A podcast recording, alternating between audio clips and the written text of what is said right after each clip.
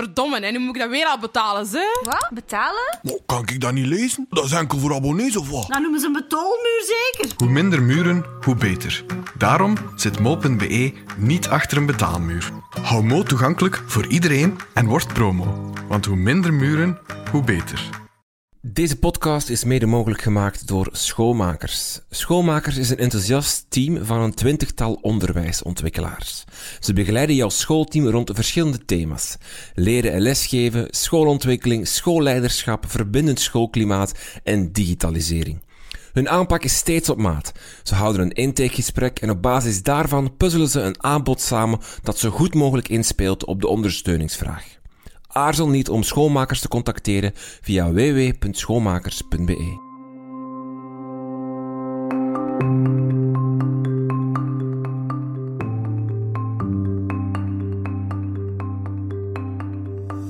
Een, oud collega zei ooit: Never smile before Christmas. Ja, maar dat kan ik niet. Een les niet gelachen is een les niet, eh, niet gegeven. Hallo en welkom bij Buiten de Krijtlijnen. Mijn naam is Rinke van Hoek en dit is uw podcast over onderwijs.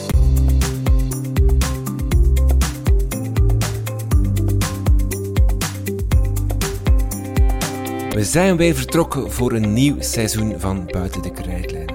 Ook dit schooljaar brengen we u weer elke week een fijn gesprek over onderwijs. Zo hopen we er samen met jullie luisteraars een ongelooflijk inspirerend schooljaar van te maken. Luister jij graag naar onze gesprekken en wil je onze podcast steunen, dan kan je vriend van de show worden. Voor 2,5 euro per maand help je ons om deze podcast te blijven maken. Surf naar www.dekrijtlijnen.be. In de eerste aflevering van dit nieuwe seizoen praten we met Arvid de Munk. Arvid werd eind vorig schooljaar door klasse verkozen tot leraar van het jaar. Als leerkracht Nederlands en Engels slaagde hij erin om zelfs in coronatijden verbinding te zoeken met zijn leerlingen en hen bij te staan en te helpen en te luisteren naar. We spraken met Arvid over die verkiezing, maar vooral over waarom hij het welbevinden van zijn leerlingen zo centraal zet en hoe hij die verbinding ook in tijden van afstandsonderwijs probeert te creëren. Arvid de Munk.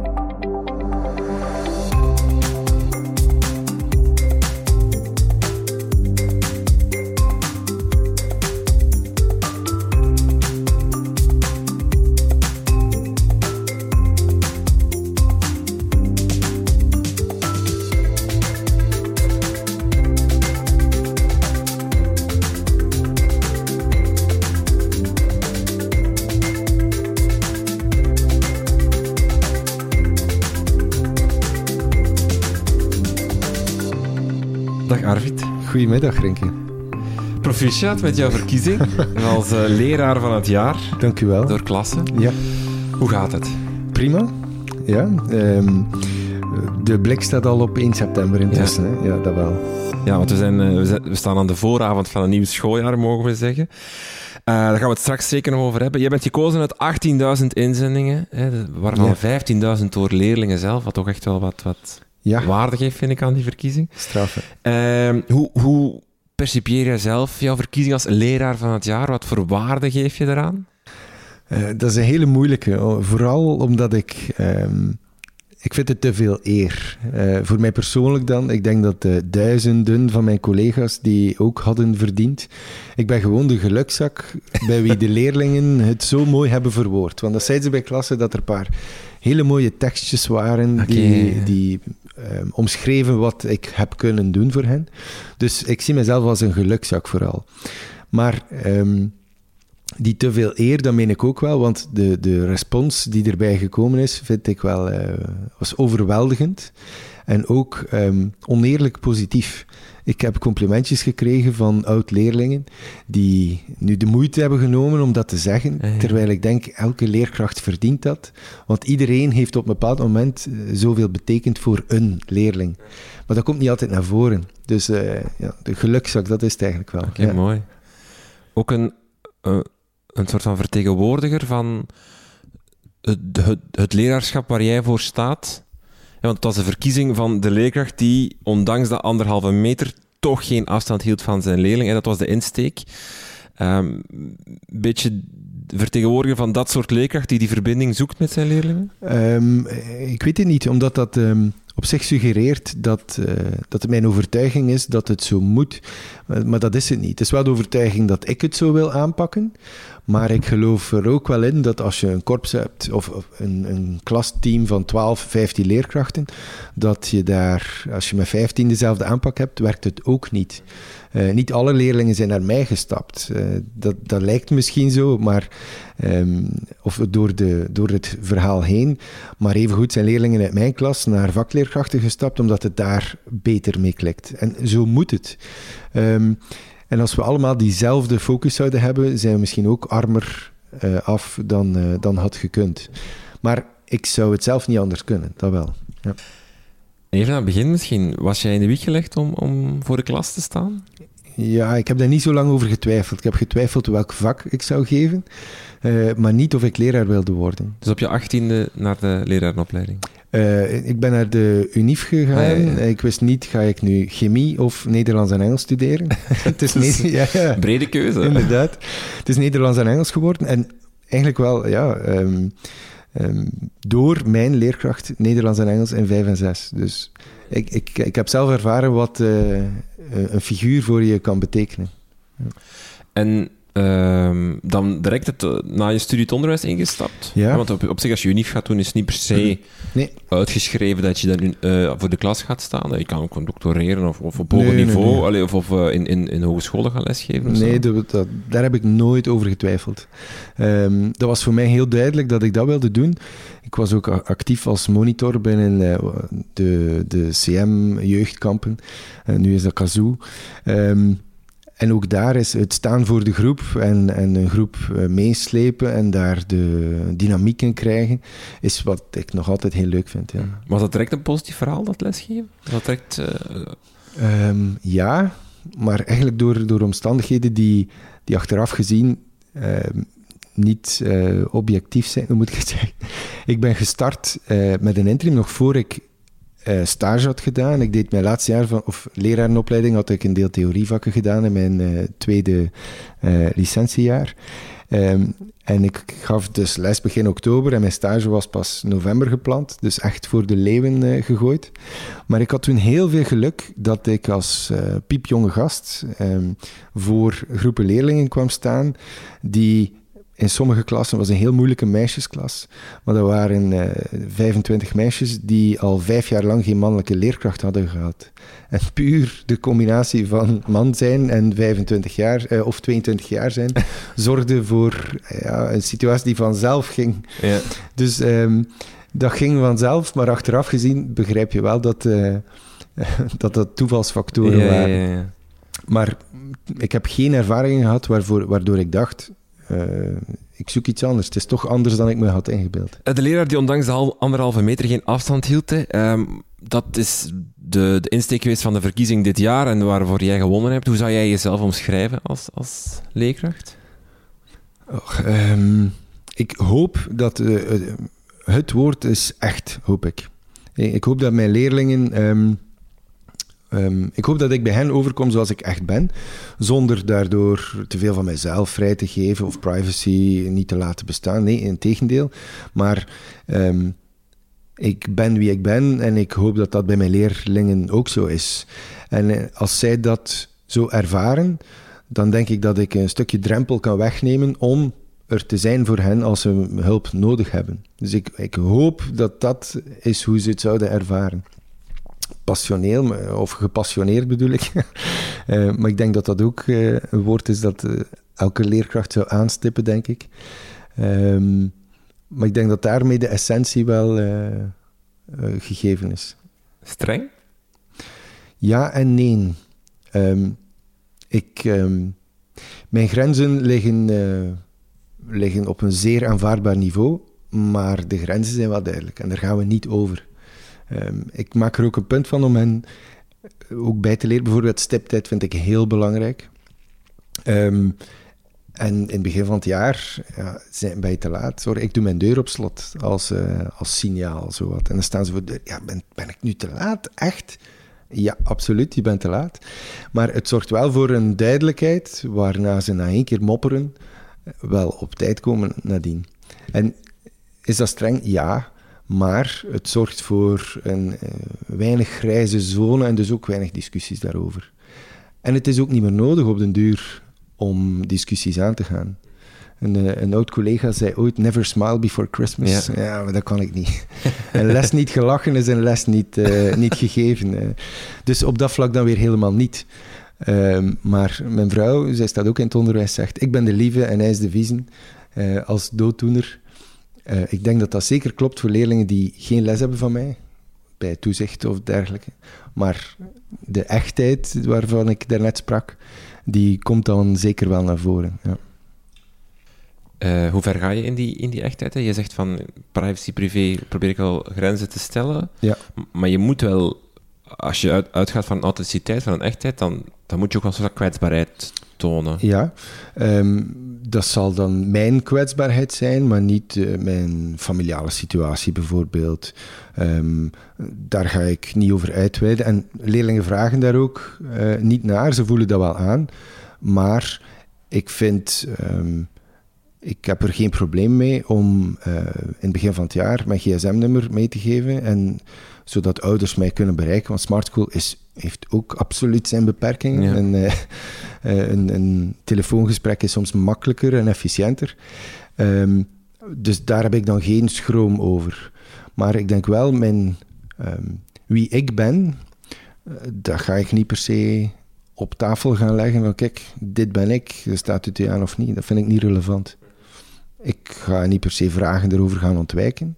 Maar eh, ik heb het gevoel dat dat tot nu toe altijd zeer ehm, op een, ehm, hoe zou ik het zeggen, Eh, vanzelf verloopt. Dat leerlingen mij leren kennen en vice versa. Want, want je, je probeert verbinding te creëren hè, met je leerlingen. Dat is een woord dat, dat terugkomt als ik over jou lees. Als je die verbinding wil maken, dan eh, denk ik... Of, of ooit vertelde een leerkracht mij, als je, als je moet zelf iets geven, want dan pas kan de leerling iets teruggeven. Ehm, stel, een leerling komt naar jou met een bepaald probleem, ga je dan zelf ook vertellen van, ja, ik heb dat ook meegemaakt, of ik heb dat... Het erkennen dat er een probleem is geweest, is niet hetzelfde als eh, gedetailleerd gaan bespreken hoe jij iets hebt, erva- hebt ervaren. Dus als eh, bijvoorbeeld mijn ouders zijn gescheiden, als een van mijn leerlingen het daar moeilijk mee heeft, kan ik wel refereren aan dat gevoel van ik weet wat je, wat je nu ervaart. En alleen dat al ehm, zorgt bij hen voor, eh, voor begrip. Of, of ze voelen zich begrepen waar ze dat anders misschien niet voelen. Ehm, dus dat zeker. Ehm, ook als het gaat over het mentaal welzijn, het afgelopen jaar. Ik heb in de klas toegegeven dat ik het lastig had en dat ik er ook niet vrolijk van werd. En als ik daarnet zei van, ik heb nooit getwijfeld over leraar zijn, ja, dit jaar wel. Ehm, en door dat te uiten, denk ik dat ik dan die echtheid bereikte, of dat er eh, wederzijds begrip was, in die zin van, ah ja, we zijn niet de enige die het lastig hebben of die afzien. Dit wordt hier voor onze neus ook erkend. In plaats van, ja, je zou ook, iedereen zou ook kunnen zeggen, kom aan gasten, Allee, doe een beetje door. Ja, sus, sus, sus, je moet niet, eh, niet te veel klagen, duw door. Het, het erkennen van het feit dat het lastig gaat, of het erkennen van dipjes, ja, dat zorgt misschien, eh, misschien maak ik het met blaasjes wijs, hè, maar ik denk dat dat wel iets heeft gedaan. Ja. Ik vind dat een hele moeilijke ehm, balans tussen leerlingen verwachten soms, eh, want jij geeft les in de, laatste, in de derde graad, als ik correct ben. Eh, ik geef les in de, in de eerste graad en leerlingen verwachten daar soms van mij eh, dat ik sowieso een soort van perfectie ben. Geen slechte dag, altijd alles weten, Ja. eh, ehm, geen fouten maken. Dat, dat, dat gevoel krijg ik soms. Eh, en anderzijds is dat natuurlijk niet zo. Hè? En je probeert dat soms probeer je dat Ja. dan te verbergen of, of, of te maskeren. Maar anderzijds denk ik soms ook van, ik zou misschien ook gewoon de eerlijkheid moeten durven he- hebben om te zeggen, jongens, gisteren een slechte dag gehad, Ja. daarom doet ze niet verbeterd, of, of Ja. eh, daarom de les niet zo heel goed voorbereid. Is- Ja. Wat, wat zou jij me aanraden, of wa- waar, waar zou jij... Ik, ik, zeg dat soms op het moment zelf. Eh, een, een drukke klas. Ik heb graag levendige klassen. Dus ik heb liever te druk dan te stil. Ehm, en in zo'n klas, als het niet lukt, durf ik zeggen: Gast, echt niet. Vandaag echt niet. Ik heb hoofdpijn, ik voel me niet lekker, bijvoorbeeld. Kunnen we een beetje begrip opbrengen voor elkaar? En temper u een beetje. En ik heb daar wel goede ervaringen mee. Want ja, leerlingen, zoals je voorstelt, eh, de perfectie zien Ja. ze of verwachten ze. Maar je bent ook een soort prototype. De leraar. Die Ja. gaat op vrijdagavond de kast in en maandagochtend komt hij er weer uit. die hebben geen leven. Als, als leerlingen u, u, u tegenkomen, zeker jongere jaren, tegenkomen op straat, ze kijken elders, zo'n bloedrode kop. Hallo. Veel meer komt er niet uit. Ehm, dat is het voordeel. In de derde graad gaat dat al iets vlotter. Maar toch heb je, ben je daar ook een soort ehm, ja, prototype misschien wel. Dus hoe, hoe menselijker je dat maakt, hoe makkelijker ook wel, denk ik. Het, ver- het verzwakt je positie niet? Want dat, dat, dat- die schrik heb ik dan soms Ja. ook van. Ehm, ja, dus, dus, ik, ik ga in de eerste week van september ga ik zoiets niet zeggen natuurlijk. Maar ehm, als je elkaar eh, figuurlijk genoeg hebt, eh, hebt besnuffeld, dan, dan kan je wel die, dat wederzijds begrip hebben. Ehm, of, of, kan je, of heb je al situaties meegemaakt in de klas die, die fout liepen. En dan is de reactie ook belangrijk. Als je iets uitprobeert en het mislukt, ja, oké. Eh, ander en beter. Hè? Ehm, en ook dat geeft... ehm, men zegt soms, leraars zijn showmensen. Ja, op sommige momenten. Maar ik geloof er toch wel in dat als je net erkent wat goed gaat, wat fout gaat, dat je dan uiteindelijk de lange lessen echt er, er meer uithaalt. En ook als het gaat over onze eigen positie. Wat vind jij de opdracht van een leraar? Oh, is dat een aparte podcastaflevering? We willen zien, ja. Kan misschien nog, ja. ja, Ehm, ja die, is, die is heel breed, hè, vind ik. Ehm, ik vind dat eigenlijk een heel onderschatte job. Ehm, ook het afgelopen jaar, ik heb er mij echt aan gestoord dat die job werd afgebeeld als eh, ehm, ja, focus op kennisoverdracht. Alsof eh, leerlingen sponsen zijn en wij enkel degene die de leerstof erin gieten. Ehm, want we zijn uiteindelijk zijn wij opvoeders, wij besturen groepen, in die zin wij, wij motiveren groepen. Dus opvoeder, motivator, expert, dus kennisexpert, moet ook wel, vind ik. Ehm, eh, luisterend oor, ehm, een, een, een teamspeler, want ook dat wordt onderschat, vind ik. Ja, je trekt wel de deur achter je dicht, en niet in een coronajaar, maar Ja. anders trek je de deur ja, achter je dicht. Ehm, maar zonder je collega's ben je niks waard. Als je geen informeel overleg hebt over je leerlingen of je kan eens informatie delen, dan verlies je daar ook veel. Dus ik denk dat er dat je op een duur aan een soort bond zonder naam lijstje van Ja. kwaliteiten komt. Zit er een, Eh, een hiërarchie in? Ehm, Wat je verteld Ja, ik denk dat, dat het kennisgegeven ehm, onaantastbaar is natuurlijk. Daar start het mee. Hè. Eh, als je je vak niet beheerst, dan heb je er geen plaats in. Ik denk dat je dan als opvoeder dat, dat, dat dat dan een hele belangrijk is. Want zelfs al ben je geen luister, of heb je geen luisterend oor voor leerlingen, toch is dat opvoeden binnen een klassituatie wel belangrijk, denk ik. Ik ben ervan overtuigd dat ehm, leerlingen pas eh, ehm, intellectuele prestaties, tussen aanhalingstekens dan, als we het zo mogen noemen, dat ze pas kunnen presteren op schoolvlak als ze zich ehm, goed voelen. Ik denk dat als we zouden graven, ook bij leerlingen die we niet goed kennen of waarvan we niet precies weten hoe de thuissituatie in elkaar zit enzovoort, als we gaan kijken naar het waarom eh, van, eh, van het falen van iets, dat we dan soms vaker iets gaan vinden op vlak van eh, emotionele factoren, sociale factoren, dan we zouden denken. En het is daarom dat ik eh, mij heb geërgerd aan de voorstelling van de leerkracht als kennisgever. En dat is het dan. Ik geloof daar niet in. De, de kritiek van eh, pakweg Dirk van Damme of Wouter Dijk, die zeiden één, les eh, één week onderwijs gemist is zoveel loonverlies later. Eh, Ja, dat kan allemaal wel, maar als je je niet goed voelt en je moet twee weken thuis blijven van je huisarts, omdat je met hartkloppingen zit, omdat het niet meer lukt voor je, waar sta je dan? Dus ik geloof er heel hard in dat dat welzijn, dat welbevinden, ehm, eerst goed moet zitten. Of dat we daar aandacht voor moeten hebben, om dan te kunnen verwachten dat iemand ten volle presteert. We, hebben, wij ervaren dat toch ook in onze job. Op het moment dat we ons goed voelen, werken we, zijn we efficiënter of effectiever, ik weet het niet. Dus ja, dat wordt vind ik wel vergeten. Of te veel naar het achterplan geschoven. Vind je het een deel van elke leerkracht zijn opdracht, het, wel, het welbevinden van de leerling? Nee. Eh, ja, ja en nee. In die zin, ehm, iedereen moet er de voelsprieten voor durven uitsteken en mag het niet negeren. Ik vind dat je een professionele fout maakt als je ziet dat het niet goed gaat met iemand en dat niet bespreekt met je collega's. Maar ik vind het niet ieders taak om er iets aan te doen. Ehm, naar aanleiding van een discussie over titularisschap. Ik ben heel graag titularis, maar ik vind wel een, eh, een stevige job. Ehm, collega's die geen titularis zijn, die beseffen niet altijd hoeveel werk dat precies is. En daarop zei de directeur van ja, maar er zijn toch mensen die je liever geen titularis ziet zijn. En dat klopt, en dat is ook geen verwijt.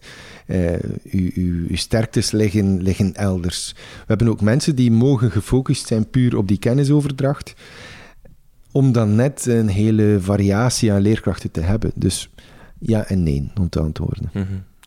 In het filmpje dat door de klasse uh, over jou gemaakt werd, werd op het einde ook wel de vraag gesteld: en gaat het ten koste van jouw lessen? Het feit dat je zoveel aandacht hebt op welbevinden. Het, het, voor mij toonde het enerzijds aan dat het een gevoelig issue is, dat, er, dat, er een, dat het de discussie leeft in de maatschappij. Anderzijds was het antwoord ook wel stellig: nee, helemaal niet. Zelfs hij gaat er winst op uithalen in de long run. Ja, ik hoop dat mijn collega gelijk had als hij dat heeft gezegd. uh, um, maar merk je dat zelf ook? Ja, van, ik, van... denk, ik heb wel gemerkt dat bij de klassen zesdejaars, waar ik Nederlands gaf, als ik daar in gesprek ging over uh, bijvoorbeeld, hoe voelen jullie zich bij de huidige coronamaatregelen? Eén, begrijp je ze? Twee, is de impact voor u oké? Okay? Is dat haalbaar? Zijn er zaken die heel lastig vallen? Hoe loopt het met afstandsonderwijs? De, de kort eventjes kunnen luchten voor hem, voor hen, of de kans hebben om, eerder dat, de kans hebben om het te luchten, uh, verandert alles. Um, en als je daarna um, daarmee met de, noem het nu, goodwill van de leerlingen dan verder trekt, dan is er uh, alleen maar winst, denk ik. Um, bekijk het als uh, een deel van klasmanagement. In moeilijke klas heb je soms heel veel werk. Om, het is lang geleden dat ik uh, moeilijke klassen had, moet ik eerlijk zeggen. Maar dan heb je soms werk om iedereen, om die neuzen op hetzelfde moment in dezelfde richting te krijgen. Wel, dat is eigenlijk hoe ik het heb ervaren. Um, ja, om dan ergens mee te geraken. Heb je vaste dingen die je doet om die verbinding tot stand te brengen, om aan het welbevinden te werken? En misschien moeten we even denken in een niet-corona-jaar. Niet corona-jaar, dat, ja. Daar komen we straks toe. Ja. um, ik, ik, als titularis probeer ik wel werk te maken van uh, groep, uh, een groepsgevoel. Als ik titularis was in het vijfde, dus een nieuw samengestelde groep, zorgde ik er altijd voor dat we in de loop van oktober samen gingen bowlen, bijvoorbeeld. Uh, en in, de, in september is er een sportdag. Wat ik dan eigenlijk wel standaard doe, is ik vraag... Je, niemand brengt lunchpakket mee, maar we brengen allemaal iets mee. En dan eten we samen. Dan zit die groep al zeker samen. En voor mij is dat heel interessant om dan te zien... Hebben we een groep met uh, kliekjes, wat, wat niet per se slecht is, maar dan weet je tenminste. Zijn er mensen die uit de boot vallen?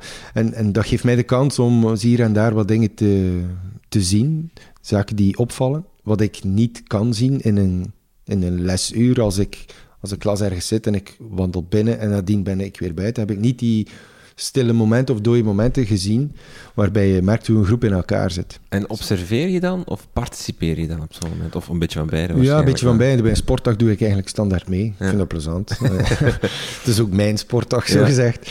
Ehm, maar tijdens zo een, een, een lunch, ja, dan, is, dan zit ik daar, maar dat is het moment waarop ik dingen zie. Dan ga ik niet per se eh, participeren. Nee. Ja.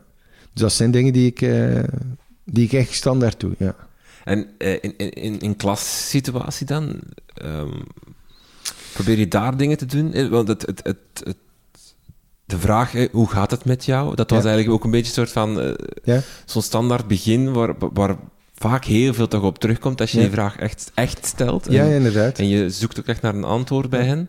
Is dat iets wat je dan regelmatig probeert te doen in, met je leerlingen? Er is natuurlijk een verschil tussen de, de vraag die je stelt aan een klas en de vraag aan een, een individu. Maar ik vroeg eigenlijk altijd, hoe gaat het met jullie? Het is, zoals in het Engels, hè, how do you do? Je vraagt wel hoe het gaat, maar eigenlijk is het een soort startmomentje. Eh, en soms kwam daar respons op, soms niet.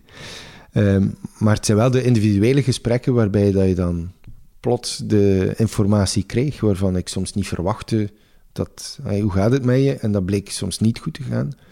Ehm, en dan schrik je wel. Ook op momenten dat ik, afgelopen jaar, hè, daar spreek ik over, eh, dat ik dan niet had gedacht dat er iets aan de hand was.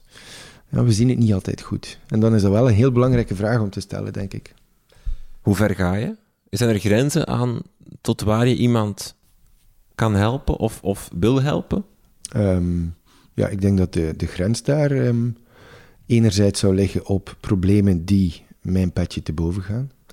Ehm, En weet je voor jezelf heel goed welke dat, dat zijn? Of, of, is dat gewoon iets dat je op een gegeven moment aanvoelt van ik heb hier geen antwoord op? Gewoon? In, in de voorbije jaren ehm, zijn er ehm, signalen geweest die wezen op zelfmoord, bijvoorbeeld. Dat is iets, ja, dat los je niet zelf op. Hè. Maar ook één keer iemand die misbruik vermeldde binnen het eigen gezin. Ja, daar, ja, daar sta je met je mond vol tanden en het eerste wat je dan denkt is, ik heb hulp nodig. Ik ben hier niet voor opgeleid. Ehm, de problemen nu waren van zo'n aard dat er zijn voor iemand eigenlijk de essentie was. En, en dat meen ik ook heel oprecht, dat was wat ik deed. En daar heb ik dan weinig grenzen in. Er zijn voor iemand, dat betekent dat, eh, dat ik, ja. en dat ik bereikbaar ben. En dat ik, nu, dat ik niet zal zeggen, oké, het, is, eh, het is zaterdag, sorry. Ehm, ik weet dat je mij een mailtje gaat sturen, maar ik ga het nu niet lezen. Daar wil ik dan wel ver in gaan. Tegelijk zal ik nooit mijn eigen privacy opgeven eh, om, ehm, om hulp te bieden. Dan, dan betekent het dat, eh, dat ik niet meer kan helpen. Zou je leerlingen thuis uitnodigen? Om te helpen? Ja, stel Nee. dat er iemand... Nee, eh, er stond onlangs iemand aan mijn deur om mij te bedanken voor het afgelopen jaar. en dat was heel sympathiek. en ja, die, die heb ik dan wel binnen uitgenodigd. Dat is het probleem niet. Maar ehm, de- belangrijkste is ook, dat zijn intussen oud-leerlingen. Ja, ik vind dat een belangrijk verschil. Ehm, verschil tussen zesdejaars of eh, mensen die net zijn afgestudeerd of anderen. Maar ik ga niet... Ik ga de problemen van school niet thuis willen oplossen. Dat, dat vind ik wel heel belangrijk, omdat ik dan, denk ik, mijn rol als leraar verlies. En dan vervul ik enkel een rol als mens. En dan denk ik ook niet meer dat, dat ik juist ben geplaatst om te kunnen helpen. Ik denk dat het net heel belangrijk is dat de hulp die ik bied, ehm, vanuit mijn rol als echte leraar, dus echt in die zin, ik, Arvid Munk, als mens ben die leraar. En daar komt de hulp vandaan. Als die niet meer vanuit mijn rol als leraar zou komen, denk ik ook dat ik mijn doel niet zou. eh, dat ik naast zou schieten. Is dat iets wat je, wat, wat, je altijd bent geweest als leerkracht? Een- iemand die verbinding zoekt, iemand die die welbevinden belangrijk Of is iets waar je in gegroeid bent doorheen de jaren, omdat je zag dat het belangrijk was? Of? Ik denk dat ik eh, dat altijd wel heb gehad. Ehm, ook als, als eh, monitor bij een jeugdwerking bijvoorbeeld, vind ik groepsdynamiek bijvoorbeeld heel belangrijk. Maar ehm, ehm, ik denk niet dat ik een eh, tevreden gevoel zou kunnen hebben als leraar als ik zie dat ik wel mijn les heb kunnen geven, maar evengoed heb gemerkt dat eh, een aantal van mijn leerlingen eh, somber afwezig zitten. Dat kan ik niet negeren. En daar wil ik dan graag iets aan doen. Ehm, ook omdat ik mij dan inbeeld dat als ik met een probleem zou zitten en ik zou graag geholpen worden en die hulp komt niet, ja, dan zou dat toch teleurstellend zijn.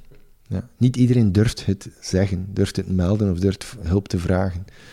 Sommigen willen ook, ook geen hulp. hè? Nee, maar dat En- kunnen ze dan en ook zeggen. Hè? Moet je dan ook daar dan ook het durven, zelf als leerkracht durven loslaten? Als je ziet dat een leerling niet gelukkig is in de klas, je spreekt hem ja. of haar aan die zegt: Nee, er is niets, eh, ik moet, eh, moet, eh, moet geen hulp hebben of Mhm. zo. Dat je dan ook zegt: Oké, goed, weet dat, dat, dat die hulp er wel kan zijn als je wil, maar Ja. dat is goed. Weet dat het kan, maar vooral ook waar ga je wel. Wat is jouw oplossing dan? Want we zien dat er iets is, je wil er niet over praten, geen probleem. Maar heb je andere hulplijnen? Wat ga je eraan doen? En als, als dan zou worden aangegeven, ja, nee, nee, nee, het is niks, laat maar, dan ga ik er wel op terugkomen. Zonder iemand te verplichten, en nu gaan we babbelen. Nee, dat, werkt niet. Hè? Maar ik wil wel weten, heb je... eh, nee, mijn vriendinnen weten ervan, het is oké. Ah ja, goed, handen af, hè? geen probleem. Ja. En dan kan je nog altijd af en toe eens duim opsteken met een vragende blik van, ça va of niet? En dan heb je nog altijd, dan heb je nog altijd getoond, ik ben u niet vergeten. Als er iets is, je weet, de deur staat open, bijvoorbeeld. Heb je zelf eh, een leerkracht gehad die, die bij jou de verbinding maakte of dat, dat hoog in het vaandel droeg? Ehm, Die jij zou nomineren als leerkracht van het jaar? Moest toen, al... eh, Ja, ik, ik, heb, ik heb het geluk gehad van een, eh, een, een leuke jeugd te hebben gehad. eh, na enkele jaren in het middelbaar daar ook echt mijn draai te hebben gevonden. Goede vrienden, een leuke klasgroep. Vonden niet alle leerkrachten hoor, maar wij vonden het een leuke klasgroep. Ehm, dus de mensen die ik zou nomineren, zou gaan over de, de passie die ze hadden voor een vak. Ehm, in de, mijn leerkracht Nederlands en Engels uit het zesde jaar, meneer Vermassen. Dat blijft raar om die met voornaam aan te spreken, Ja, ja, ja. zoveel jaar Ja, ja. later nog. Eh, die begon elke, eh, elk van zijn lessen met een psalm. En de eerste weken, maanden, en recht staan naast de bank en daarna luisteren. Eh, wij dachten, "Ai, wat, wat doet hij nu? Wat, wat, wat is dat hier? Maar die mens bood ons ook een theaterabonnement aan en een operaabonnement. En we speelden toneel en we hebben ehm, ehm, Macbeth van Shakespeare hebben gelezen, beluisterd, nagespeeld enzovoort. En de culturele bagage die die man dan uiteindelijk meegaf, als je het plaatje dan maakte, dacht je, ah, straf. Nu, ik denk wel dat hij zich niks aantrok van een leerplan. dat is ook de realiteit van vandaag, Ja. dat is wel enigszins anders. Maar die heeft, eh, als het gaat over passie en liefde voor een vak, die heeft, heeft het echt kunnen overzetten Ja. op mij. Dus dat vond ik wel heel knap. Ja. Maar het is niet dat jij psalmen brengt. Nee, nee, dat doe ik niet meer. Nee. Maar, eh, nee. Je kent er nog eentje? Of Nee, nee. Ga je nu in, in ten berde brengen? Nee, Mag, nee, hè? nee, nee, nee. Het afstandsonderwijs, dat, dat was het voorbije bijna twee schooljaren nu, anderhalf jaar bijna. Goh, ongelooflijk. Ehm, dat moet dan eh, geen fijne periode geweest zijn voor jou, voor iemand die, die leeft voor die interactie, voor, voor het, de, dat, Ja. die verbinding met, met eh, leerlingen. Klopt. Ehm, eh, we gaan even terug naar maart 2020. Hè. De, de bom slaat in. eh, de persconferentie op donderdagavond, ergens 12, 13 maart of zo. Wat. eh, in het begin zit je in een soort van crisismodus, denk ik dan. Of ik zat er toch zo in van: oké, gewoon, gewoon zien wat er gebeurt. Hè. En dan uiteindelijk begint dat afstandsonderwijs. Heb jij voor jezelf direct een draai daarin gevonden hoe je dat ging aanpakken? Hoe je wat jij in die klas probeert te, te brengen, toch ook digitaal over te brengen? Ehm, in eerste instantie heeft de school het zo georganiseerd dat er geen ehm, volledig lesrooster werd gevolgd.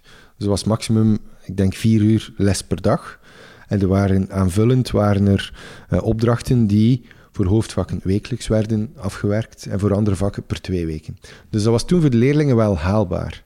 Ehm, en toen hebben wij ook voor, voor het vak Nederlands bijvoorbeeld telkens ruime opdrachten opgesteld die, die in stappen werkten, die op korte termijn met feedback, of, of waarbij de leerlingen op korte termijn feedback kregen, waarmee ze verder konden. Dat was een soort projectmatige aanpak, anders dan we werkten in de klas.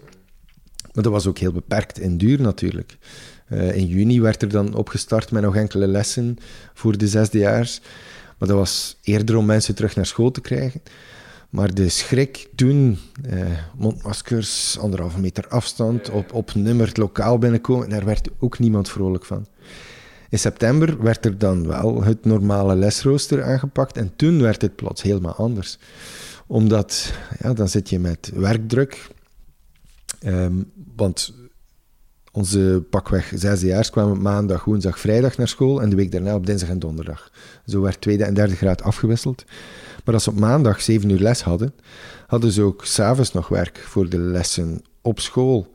En je zat uiteindelijk met een balans, of, of een eh, foute balans tussen eh, efficiëntie enerzijds en werkdruk anderzijds, waarbij dat je moet proberen zo efficiënt mogelijk te werken, of zo, zo effectief en efficiënt mogelijk te zijn, door heel weinig druk te zetten. Maar dat werkt niet. En dat heeft heel lang geduurd voor we daar een goede balans in vonden. Maar ook daar komt dat informeel overleg tussen leerkrachten weer aan bod. Hè. Als je elkaar in een leraarskamer ziet, dan heb je al snel eens gezegd hoe loopt dat. Oh, en ze hebben die feedback gegeven, maar nu lukte dat niet. Ik zag tussen oktober en mei, in het afgelopen schooljaar, dezelfde 15 leerkrachten. Toffe mensen, hè? dat is het punt niet. Maar je, je ziet niet je klasteam. Eh, en digitaal loopt dat ook toch wel moeilijker, want je hebt op duur ook genoeg van die laptop. Ehm, dus goh, ik vond het een hele zware periode. Ja, absoluut niet waar, eh, waar ik gelukkig van werd. Je gaf het ook aan, hè, dat, je, dat je wel de motivatie op een gegeven moment een beetje kwijt was. Hoe heb je die teruggevonden? Hoe heb je, daar, hoe heb je die toch doorgeknokt? Wel, enerzijds door te merken wat ik kon betekenen voor hen. Als ik merkte dat, ehm, dat als iemand het lastig had en ehm, je voelt dat aan je vermeldt dat, ik, ik zie dat je het moeilijk hebt, wat scheelt er? Ehm, en alleen al het herkennen daarvan gaf soms eh, een boost bij de leerling of, of gaf hen, eh, deed hen deugd. Dan had ik het gevoel, oké, ik heb een steentje verlegd in de rivier. Ehm, en dat gevoel had ik niet met een online les. Als je merkt, ah, oké, er zijn er vijf die nog in de pyjama zitten, vijf die nog niet uit hun bed zijn gerold, bijvoorbeeld. En ik besef dan dat ik in een geprivilegeerde situatie zat met, met leerlingen die heel vaak eh, ook bezig waren met hun intellectuele doelen. Hè, die bezig waren met wat ga ik volgend jaar verder studeren en, enzovoort. Dus ik mag zelfs niet klagen. En toch merk je dat dat heel stroef verliep. Ja. Is dat iets, want dat vind ik wel een, inter- interessant gegeven, waar ik zelf soms ook een beetje... Je, je moet als leerkracht kunnen zien, of, of, of soms wel misschien willen zien, dat je steentjes aan het verleggen bent in de rivier. Want dat is wat, je, wat, wat, jou, wat, wat dan jou als leerkracht motiveert. En soms kan het wel eens... Zijn die zo onzichtbaar, die steentjes, dat je, het niet meer, dat je ze niet ziet echt. Ja. ja, in een normaal, zeg maar in een gewoon schooljaar valt dat veel minder op. Hè. Eh, maar nu, ehm, ja, ik, ik word een beetje, een beetje mottig van als ik er opnieuw aan terugdenk. Maar eh, als je een online les aan het geven bent en je voelt dat je er niet kan uithalen wat je in de klas zou kunnen bereiken, hoe hard je ook probeert, dan, eh, dan moet je dat aanvaarden. En dat vond ik ontzettend moeilijk afgelopen jaar. Net dat je, dat je echt moest afvragen, ah verdikke, heb ik dat, dit wel juist aangepakt? Want ja, misschien had het anders gemoeten en bereik je ook... Je kan, voel ik aan, of ik spreek voor mezelf, hè, ik kon heel moeilijk mijn leerlingen overtuigen om meegesleept te worden via dat digitale kanaal, waar ik in de klas soms wel iemand kan uh, wakker schudden of, uh, of, of toch kan uitdagen en dat je hen verder meetrekt. En digitaal lukte mij dat niet. Ja. Dat is dan een van mijn zwaktes uh, geweest, zeker en vast. Maar je hebt wel het verschil toch proberen maken, of, of gemaakt in, in, die afstand, in, dat, in dat afstandsonderwijs voor je leerlingen. Hè? Als we de, de getuigenissen, de pakkende getuigenissen mogen geloven. Je hebt op een gegeven moment gezegd van... Op een gegeven moment kreeg je een signaal ja. van een van je leerlingen van het gaat hier niet. En dan heb je gedacht, oké, weg met die les voor morgen. Ja, het, was, een- het was een mama die mailde: Ik merk dat de motivatie weg is.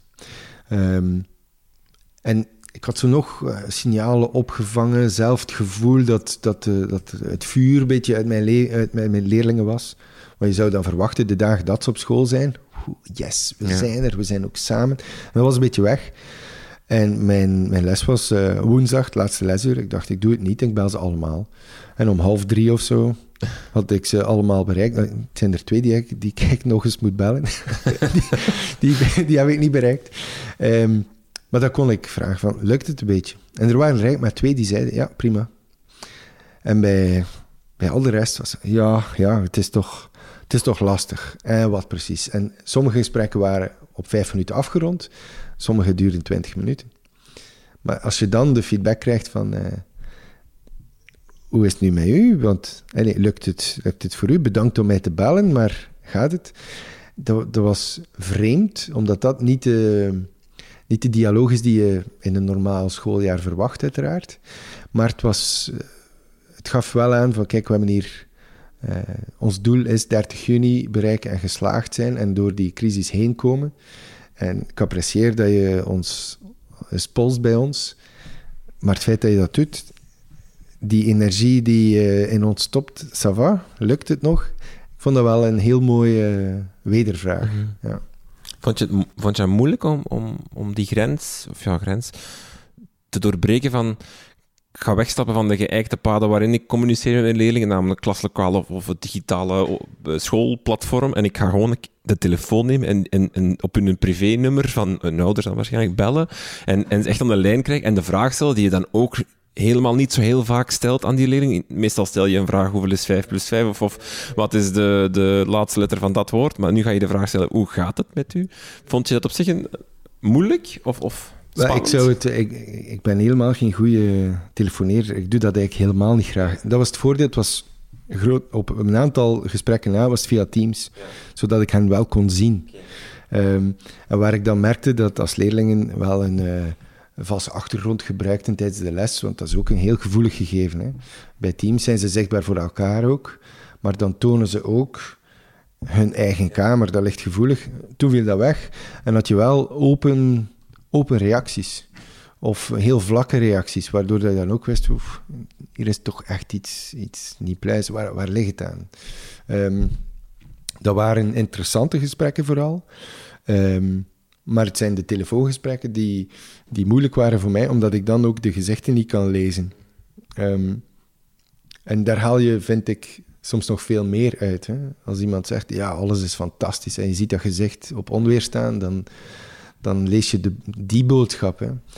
Dus ehm, dat was de ene keer dat ik blij was dat de communicatie met, via Ja. videocall verliep. Ja. En duw je dan door in, in zo'n gesprek? hè? Ik kan me wel voorstellen dat er sommigen ook zitten van het gesprek moet zo snel mogelijk voorbij zijn. Ja, nee, dat zijn dan awkward gesprekjes, maar dat geeft niet. Hè. Ja. Ja, want ik, ik vind ook echt dat de hulp mag geweigerd worden. Hè. Er is niks mis mee. Had ik, ehm, stel, ik had ze alle 24 opgebeld en ze zouden mij alle 24 gezegd hebben, hé, niks aan de hand, dan nog zou ik geen spijt gehad hebben dat ik die les had opgegeven. Omdat ik het dan wist. De school heeft ehm, enquêtes... De leerlingen hebben echt wel de kans gehad om echt duidelijk te maken hoe het met hen gi- ging op een anonieme manier. Waar, met welk vak loopt het fout? eh, waar heb je het meeste stress over enzovoort. De school heeft dat, vind ik, best goed aangepakt. Maar dat zegt niks over het, het persoonlijke, emotionele. En als daar iets mee zit, bijvoorbeeld iemand heeft eh, een oma verloren door corona, heeft daardoor heel veel schrik gekregen ehm, om besmet te geraken.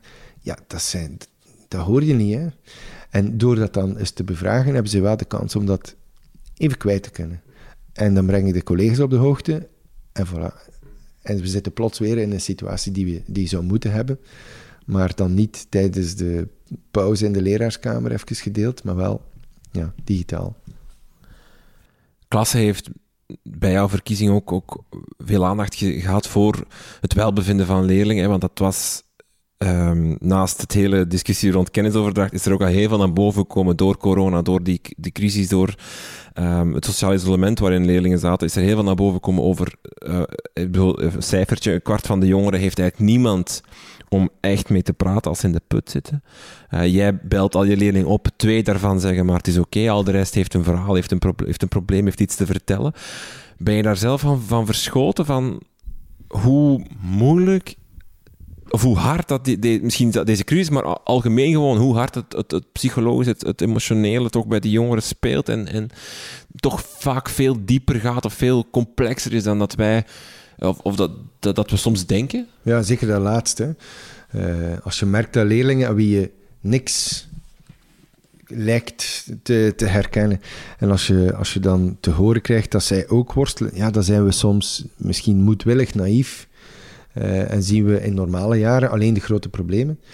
Ehm, maar vooral, ik, ik, ik spreek over geprivilegeerde leerlingen, stabiele thuissituaties, ehm, alle onderwijskansen, alle, alle kansen zijn aanwezig. En eh, ik dacht dan, voor- want dat vind ik een beetje oneerlijk aan mijn verkiezing. Ehm, ik pas binnen, binnen het verhaal, binnen, binnen de aandacht voor mentaal welzijn. Maar ik ben zeker dat andere leerkrachten veel grotere verschillen hebben gemaakt dan mezelf. Want ik denk dat mijn leerlingen nu, na alle aandacht die er is geweest, wel denken, ja, zo goed was het nu ook niet, hè, man. dat is, Ehm, maar die, die, die zorg moet ontzettend groot geweest zijn in, in ehm, leerlingen, bij, bij leerlingen die geen thuissituatie hebben waar ze op iemand kunnen rekenen. Daar heb ik niet mee moeten kampen. Dus dat was wel schrikken dat het zelfs, Ja. zeg maar, ehm, bij mijn publiek zo fout liep soms. We begonnen ermee. We staan aan de vooravond van een nieuw schooljaar. Eh 1 september komt eraan. Het wordt waarschijnlijk nog steeds geen normale 1 september. We moeten nog wachten nog een beetje op communicatie daarover eigenlijk. eh, als we dit opnemen. Ehm, heb je zin in? Eh, ja en nee. Ehm, het begint te komen. Dat is, dat al goed, hè. Ehm, maar ik merk wel dat ik zin heb in een normaal jaar. Of zo normaal mogelijk. Mondmaskers in de klas gedurende korte periode, oké. Gedurende een lange periode, dan frons ik wel. Want waarom gaan we dan al tijden op, eh, op café en restaurants enzovoort. Maar goed, ik hoef daar gelukkig niet over te beslissen. Maar als ik bedoel een normaal jaar, dan heb ik het vooral over opnieuw het leven brengen op school. Eh, we hebben dus een cuptoernooi gedaan. Ja, kon niet, hè. Een picknick van de leerlingenraad. Eh, een vrij podium, wat optreden. De, de houseband bij ons op school die opnieuw kunnen repeteren en optreden. Dat soort zaken. Ehm, dat is hetgene wat het leven biedt op school, waardoor leerlingen ook graag komen.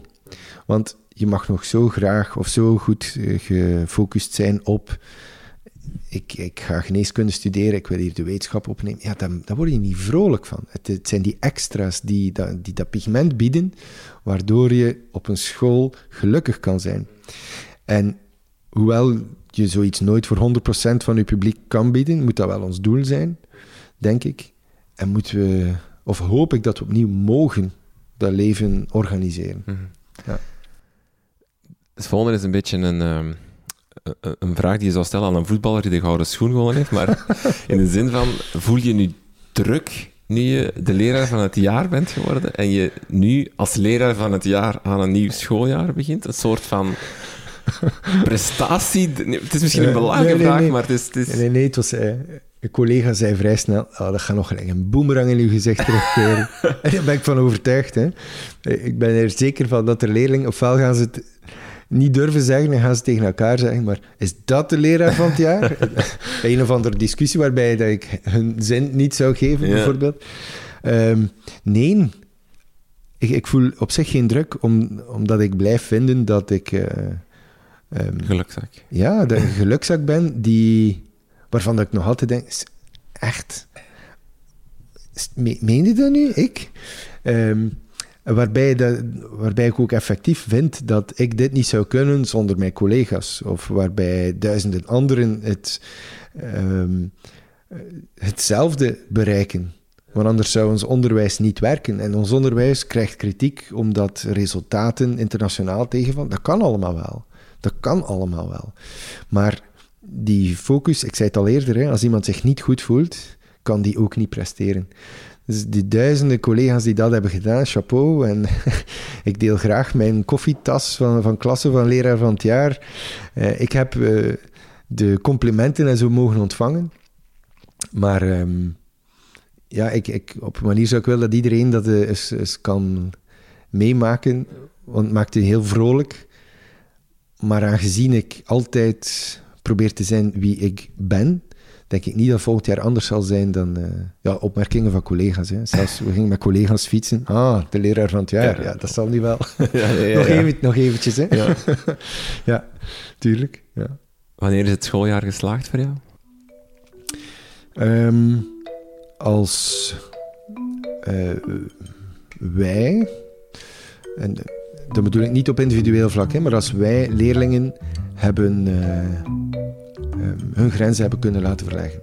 Ja, dat denk ik. Ja, zoiets.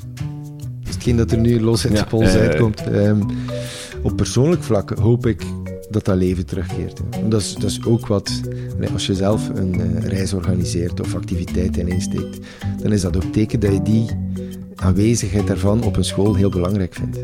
Dus ik hoop dat we dat snel weer mogen doen. Oké. Dan wens ik jou dat helemaal toe voor dit schooljaar. Dank u wel. Heel veel dank voor het gesprek. Met veel plezier.